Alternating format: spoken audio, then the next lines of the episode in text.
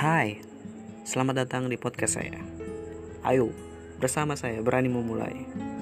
Meski tak hebat dan banyaknya kekurangan, bukan alasan untuk tidak berani memulai. Yo!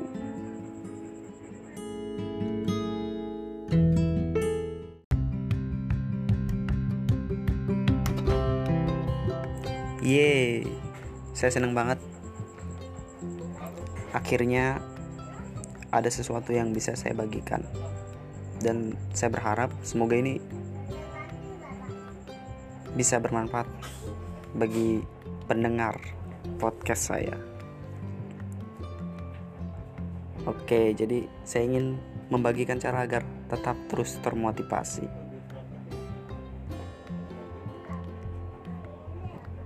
Yang nantinya menjadi pegangan saudara nih untuk bisa mencapai target tujuan kamu ya.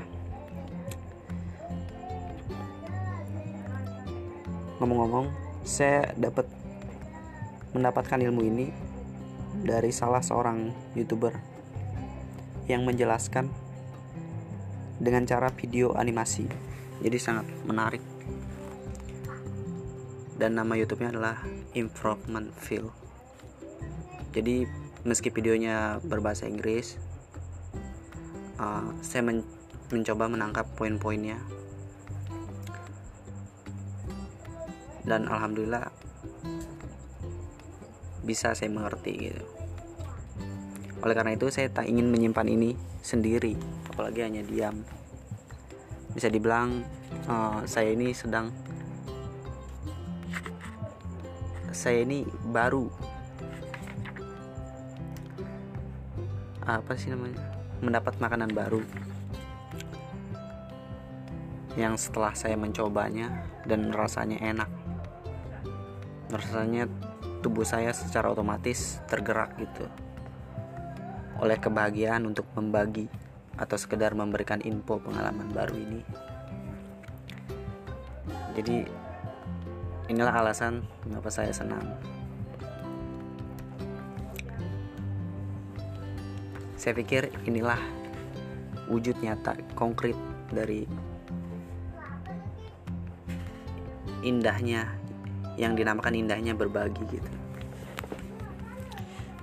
sebelum kita mulai ada baiknya kita kenalan dulu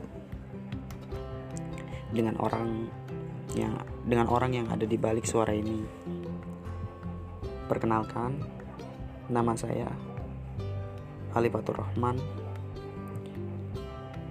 Saya berumur 18 tahun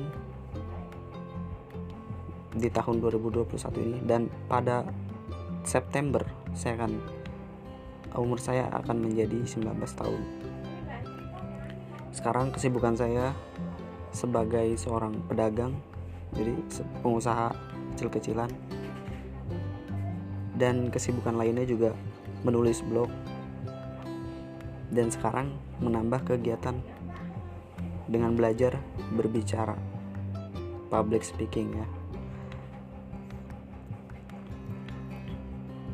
Oke segini aja perkenalannya.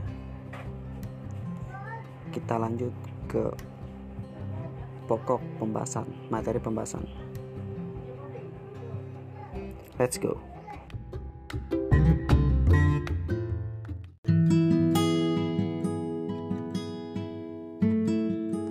Oke, sebelum itu penting banget nih buat kita nih. Masa mau bahas motivasi, kita nggak tahu apa itu motivasi, kan lucu ya. Jadi apa sih sebenarnya motivasi itu? Jadi kalau menurut Wikipedia itu motivasi bisa diartikan intensitas arah dan ketekunan seberapa intens Anda melakukan sesuatu, seberapa jelas arah tujuan Anda, seberapa tekun Anda gitu, seberapa konsisten Anda. Nah, kalau seberapa banyaknya Anda intens, seberapa banyaknya seberapa jelasnya arah tujuan Anda gitu, seberapa tekunnya Anda. Nah, kalau banyaknya itu semua itu menandakan tingkat motivi, motivasi Anda itu tinggi. Kalau tekunan Anda rendah gitu, melakukan uh, misalnya sehari semangat nih, besoknya enggak. Nah, itu artinya kan enggak tekun ya. Nah, itu artinya tingkat motivasi Anda rendah. Jadi butuh motivasi yang lain. Nah, oleh karena itu saya ada di sini untuk membahas uh, cara agar kita termotivasi. Motivasi juga sama dengan alasan penggerak gitu. Kadang-kadang uh, motivasi juga bisa jadi alasan penggerak penggerak gitu motif kita buat melakukan sesuatu. Sama halnya kayak kita lapar motif kayak kita makan gitu. Motif kita adalah karena lapar dan pemakan atau uh, atau ah, cuma pengen aja gitu motif kita adalah pengen gitu karena rasa ingin nah itu juga bisa disebut motivasi gitu. nah motivasi bukan semangat. Kadang-kadang kita salah arti nih. Motivasi disebut semangat. Padahal motivasi adalah ketika kita mendapat kekuatan untuk melakukan sesuatu dengan semangat. Jadi motivasi ini sesuatu yang memberikan semangat. Jadi ada motivasi, ada semangat. Secara bersamaan semangat datang gitu. Inilah mengapa motivasi bukan semangat tapi motivasi bisa mendatangkan semangat.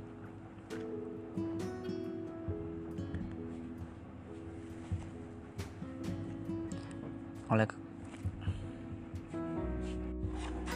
oleh karena itu semangat yang ada pada diri kita ini tergantung pada seberapa besar tingkat motivasi kita.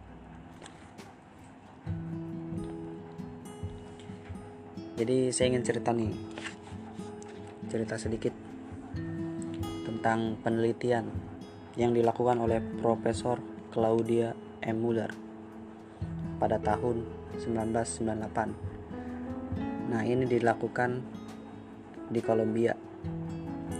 Dia meneliti sekelompok kelas 5. Jadi, profesor ini menyuruh anak-anak untuk menyelesaikan teka-teki.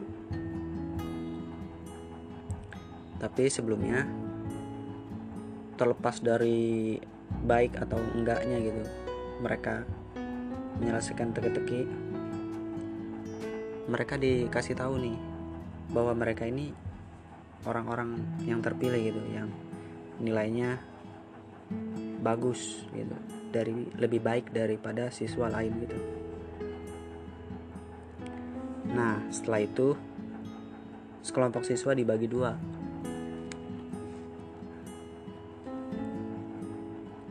Setengah murid diberitahu kalau mereka itu mendapat nilai bagus karena kerja keras. Dan setengah muridnya lagi diberitahu bahwa mereka mendapat nilai yang bagus. Itu karena uh, kepintaran mereka dan bakat mereka gitu. Lalu mereka diberi teka-teki lagi nih dengan tiga kategori mudah, normal, sulit. Dan selama uh, semasa pengerjaan. Ada sesuatu yang menarik nih. Murid yang diberitahu mereka dapat nilai tinggi karena pintar nih. Mereka cuma ngabisin waktu mereka itu buat ngerjain teka-teki yang mudah. Dan mereka juga cuma ngabisin sedikit waktu buat ngerjain teka-teki itu mereka padahal masih memiliki banyak waktu gitu. Tapi mereka stop gitu. Ngerjainnya. Nah murid yang diberitahu karena kerja keras mereka mereka lebih banyak ngerjain teka-teki yang sulit. Dan mereka juga lebih banyak gitu. Ngabisin waktunya buat ngerjain. Lebih lama gitu mengerjakan teka-tekinya. Dan bertahan gitu masih ngerjain sampai tuntas. Nah seperti tadi yang saya bilang ketekunan itu uh, seberapa lama kita bertahan dalam berusaha gitu mengerjakan suatu artinya tingkat motivasi kita tinggi gitu. Nah yang yang yang dikasih tahu mereka itu nilainya bagus karena kerja keras mereka tingkat motivasinya tinggi dan yang dikerjakannya juga menandakan tingkat motivasi yang tinggi gitu dan setengah murid yang yang mengerjakan mengerjakan teka-teki yang mudah. Tingkat motivasinya rendah. Karena mereka udah apa ya seberapa lama waktu mereka itu sedikit gitu kalah sama yang ini. Ngerjain teka-teki yang sulit itu yang menariknya ya. Dan selanjutnya untuk melengkapi uh, challenge yang dilakukan oleh profesor itu mereka ditanya murid yang ini ditanya nih yang yang kata ngerja yang kata ngerjain tingkat mood teka-teki yang mudah mereka ditanya apakah kalian menikmati ketika mengerjakan teka-teki itu atau tidak? Dan jawaban mereka adalah tidak. Mereka mereka tidak menyukainya. Kata mereka itu tidak menyenangkan gitu. Nah di sisi lain mereka yang diberitahu karena usaha kerja keras gitu usaha mereka. Mereka melakukan sesuatu karena kerja keras mereka bukan karena mereka pintar atau apa tapi mereka uh, tergantung pada usaha yang mereka berikan. Semakin besar usaha mereka maka semakin memungkinkan mereka uh, mencapai target mereka gitu.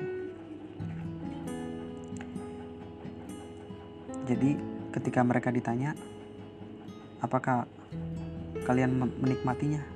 Dan mereka menjawab saya benar-benar menikmatinya gitu. Dan inilah perbedaannya. Jadi apa yang kita dapat dari penelitian ini? Penelitian dilakukan oleh Claudia M. Muller. Jadi kita bisa bisa lihat nih perbedaan mana mana orang yang termotivasi?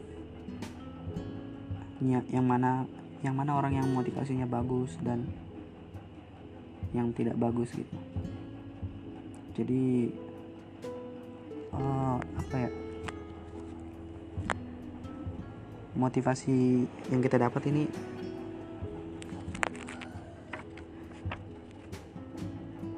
motivasi yang baik nih yang kita harus uh, apa namanya harus tanamkan dalam pikiran sebagai mindset gitu saya bisa melewati tantangan karena usaha kerja keras saya. Jadi bukan karena kecerdasan saya. Bukan karena saya pintar atau tapi itu semua tergantung kerja keras usaha saya yang saya lakukan. Semakin besar usaha saya, semakin uh, semakin memungkinkan saya mencapai target saya. Gitu. Nah itulah yang didapat gitu. Dan selanjutnya untuk ada satu lagi yang didapat untuk tetap termotivasi itu kita harus uh, melakukan sesuatu yang menantang gitu yang membuat kita merasa deg-degan atau seperti apa gitu jujur saya juga kalau uh, berbicara depan umum Nah, bagi saya itu sebuah tantangan karena itu membuat apa ya? Uh, membuat saya uh, terbata-bata dan jantung saya berdegup-degup gitu. Berdegup kencang. Jadi dengan melakukan suatu yang uh, tantangan yang sulit tentunya tingkat motivasi kita kan tinggi jadi nggak nggak mudah bosen gitu kalau kita ngerjain yang itu itu aja dan yang itu gampang nah kita cepat bosen nggak nggak menantang kayak sebuah game ya kalau gamenya nggak nggak menantang kurang menantang ya kita nggak sebentar gitu. Beberapa jam aja udah tamat gitu. Kita udah nggak tertarik lagi kan buat ngulang dari awal. Kalau disuruh ngulang lagi ngulang lagi ya bosen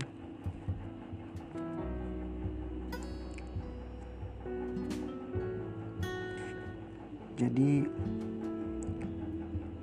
dikatakan ada konsep yang namanya locus of control. Ada locus of control eksternal dari luar gitu. Eksternal itu luar dan internal. Internal itu dalam.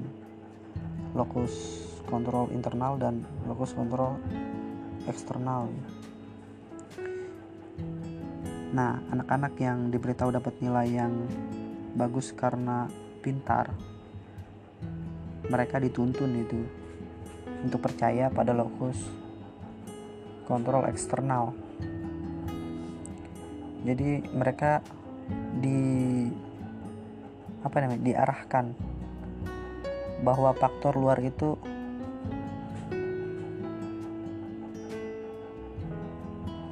diarahkan untuk percaya terhadap faktor faktor luar yang mengendalikan mereka gitu.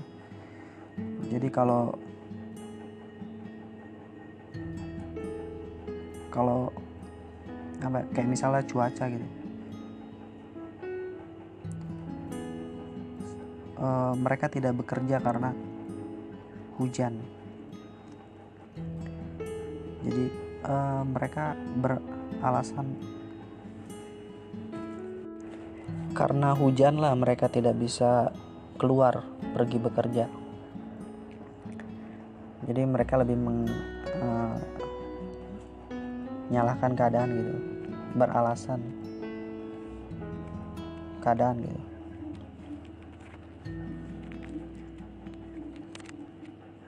dan kalau locus kontrol internal itu beda mereka tuh tergantung uh, diri mereka sendiri jadi uh,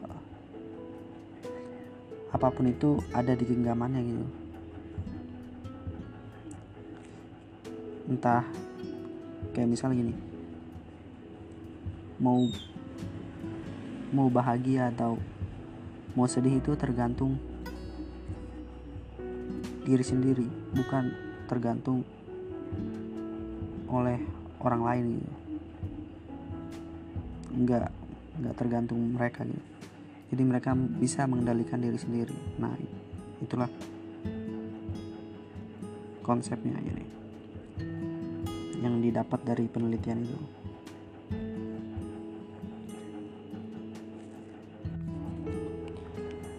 Segini aja dulu. Yang bisa saya bagikan karena sebenarnya masih banyak ini yang tidak saya sampaikan dari video tersebut gitu.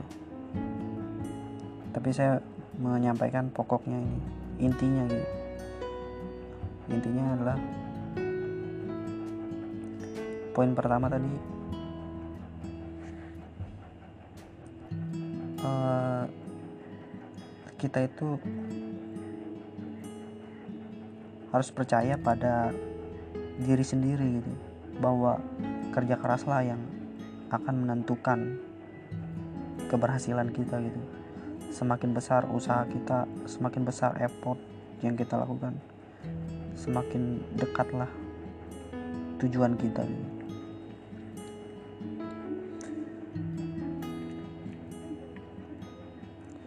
dan yang kedua adalah lokus lokus kontrol internal gitu. Kita harus percaya pada eh bukan deng. Oke daripada ngalor lidur. Ngalor ngidul saya cukupkan aja. Kayaknya udah cukup uh, banyak juga yang disampaikan dan sudah jelas juga. Jadi intinya seperti itu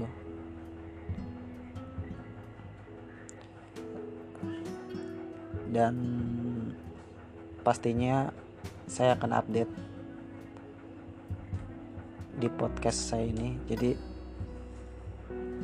uh, stay tune. Tetap di sini untuk mendengarkan. Oke. Terima kasih dan sampai jumpa